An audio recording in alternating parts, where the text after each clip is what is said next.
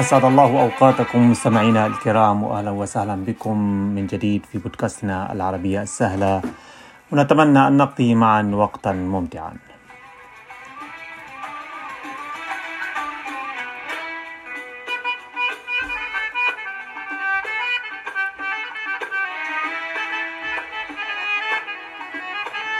لا زلنا في أجواء مونديال كأس العالم لكرة القدم وبعد أن انتهى قبل أمس دوري المجموعات وتأهلت الفرق إلى مرحلة الإقصاء المباشر. في مرحلة الإقصاء المباشر والخاسر الخاسر يغادر فورا. تبدأ ب 16 فريقا من الجولة الأولى يغادر ثماني فرق ويتأهل ثماني فرق أو منتخبات للدوري الربع النهائي. في الدوري الربع النهائي يغادر أربع فرق ويتأهل أربع فرق إلى الدور النصف النهائي. وفي النصف النهائي يغادر فريقين ويبقى فريقين للعب المباراة النهائية.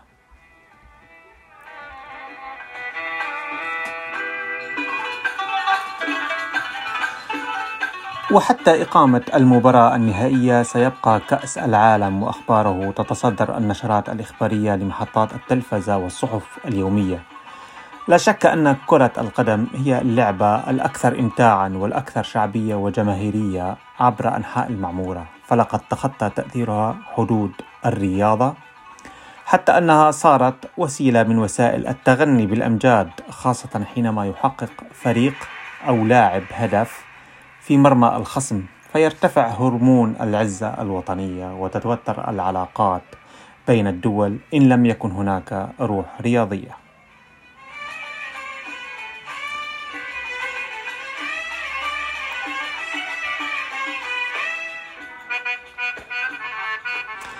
وشهدنا عبر التاريخ كثير من الأمثلة على محاولة الأنظمة السياسية استغلال حب الجماهير لكرة القدم من أجل حصد مكاسب سياسية أو تمرير رسائل معينة وفي أغلب الحالات استغلال الجماهير أو إشغالها إشغال الجماهير عن سوء الأوضاع المعيشية أو الاقتصادية أو استغلال مناسبات رياضية لتجميل صورة نظام حاكم أمام الشعب أو الدول الأخرى.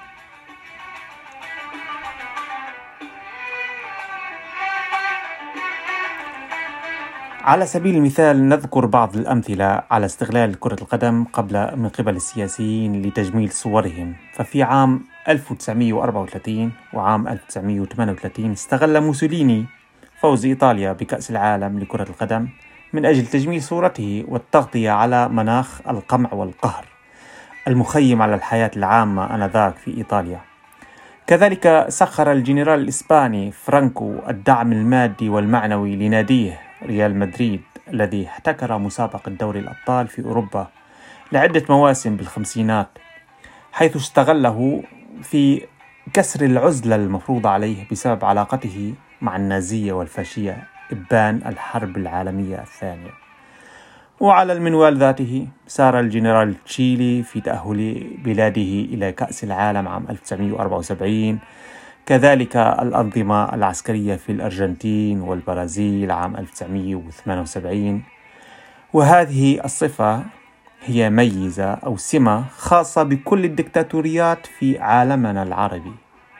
من المحيط إلى الخليج أي استغلال الرياضة من أجل السياسة.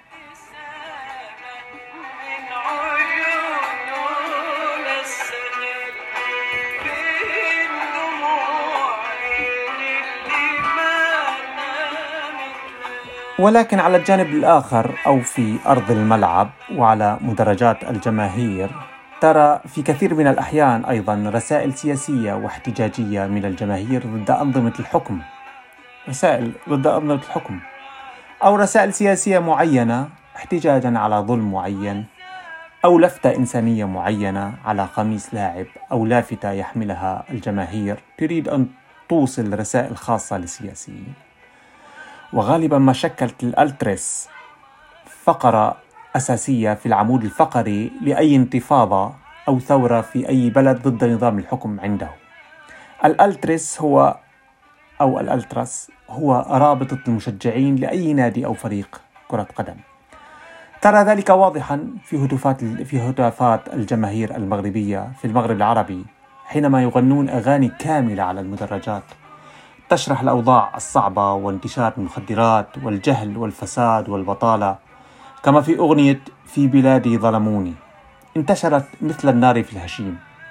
أو في أغنية صوت الشعب المخموع التي تطالب تطالب بالحرية وتنتقد القبضة البوليسية للحكام العرب.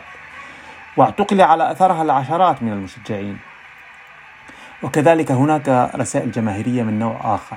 فعلم فلسطين لا يغيب عن المدرجات العربية تعبيرا عن تضامن الشعوب العربية مع القضية الفلسطينية في مواجهة كيان الاحتلال الإسرائيلي. وكل الشعوب العربية تذكر تتذكر حينما تعرض اللاعب المصري محمد أبو تريكة لعقوبات من الفيفا بسبب ارتدائه لعلم فلسطين تحت قميصه في كأس الأمم الأفريقية. وحينما سجل هدف كشف عنه بإشارة لإيقاف بإشارة لإيقاف القصف الإسرائيلي على أطفال غزة.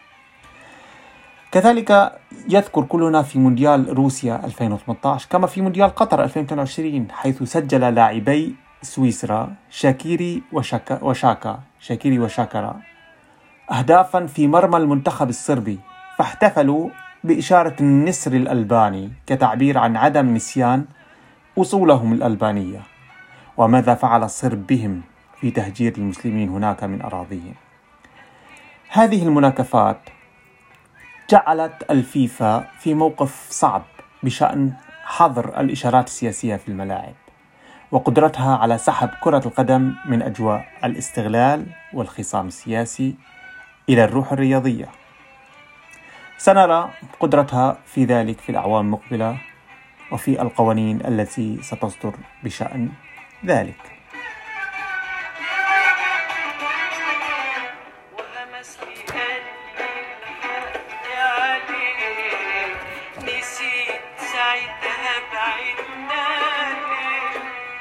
في فقرة تريندينج لهذا اليوم انتشر على مواقع التواصل الاجتماعي خبر أن طبيب أسنان تكفل بزرع ابتسامة لمشجع مغربي بعد تعرضه للتنمر في مونديال قطر. في أصل الحكاية أن محمد الشرفي مشجع مغربي تعرض لموجة من التنمر والسخرية والانتقادات الواسعة بعد ظهوره في فيديو كمشجع للمنتخب المغرب ضد كرواتيا وذلك بسبب شكل أسنانه وانهالت التعليقات على أنه كان أولى به إصلاح أسنانه بتكاليف السفر إلى من المغرب لقطر لحضور المونديال. وعلى الطرف الآخر قام الطبيب الأردني شادي الشيخ بحمل التضامن والتكافل مع بأن يصنع للمشجع المغربي أحلى ابتسامة. طبعا الطبيب شادي الشيخ بعد أن رأى الانتقادات فورا وضع بوست على مواقع التواصل الاجتماعي مع صورة محمد الشرفي مطالبا بأن من يستطيع الوصول إليه أن يتواصل مع الطبيب فورا. وخلال 15 دقيقة حصل الطبيب على رقم المشجع المغربي وتواصل معه وأخبره بأنه سيتكفل كامل مصاريفه حتى يصنع له ابتسامة جميلة. يقول محمد الشرفي أنه اتصل به أكثر من 30 دكتور عرضوا عليه تكفل مصاريف العلاج. وشكر بدوره الدكتور شادي الشيخ لأنه كان أولهم شيء جميل هذا التضامن في وجه التنمر. بدورنا نشكر الطبيب شادي الشيخ ولفتته الإنسانية.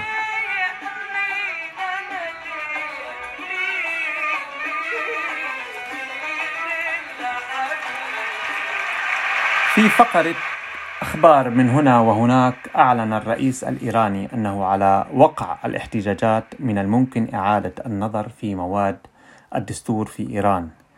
كما أنه قد أعلن سابقا بأنه تم حل جهاز شرطة الأخلاق والذي بسبب بسببه اندلعت موجة من الاحتجاجات في إيران بعد موت إيرانية تحت التعذيب في معتقلات شرطة الأخلاق لخرقها برأيهم قانون اللباس المفروض على المرأة في إيران.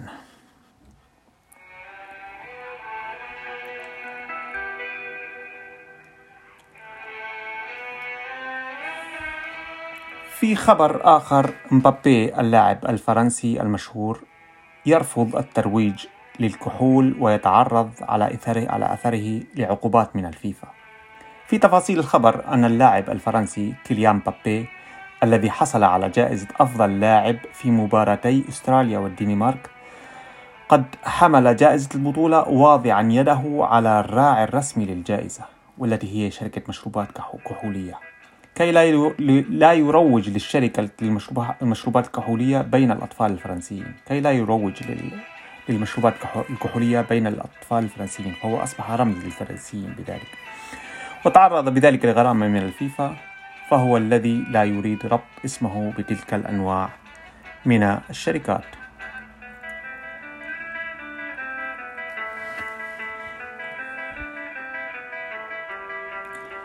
في خبر آخر وأخير. بلدية نيويورك تعلن عن وظيفة غير عادية براتب مغري من أجل تخليص المدينة من الجرذان أو الفئران والجرابيع الكبيرة.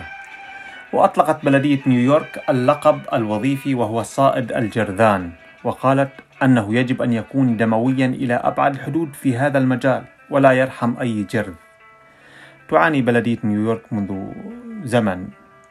من كثير من كثرة الجرذان في المدينة حيث يزيد عددهم حسب إحصائيات عن مليوني جرذ. فمن لديه الحلول المناسب المناسبة لا يتردد فالراتب مغري جدا. وبذلك نكون قد وصلنا إلى نهاية بودكاستنا لليوم. نتمنى لكم وقتا سعيدا.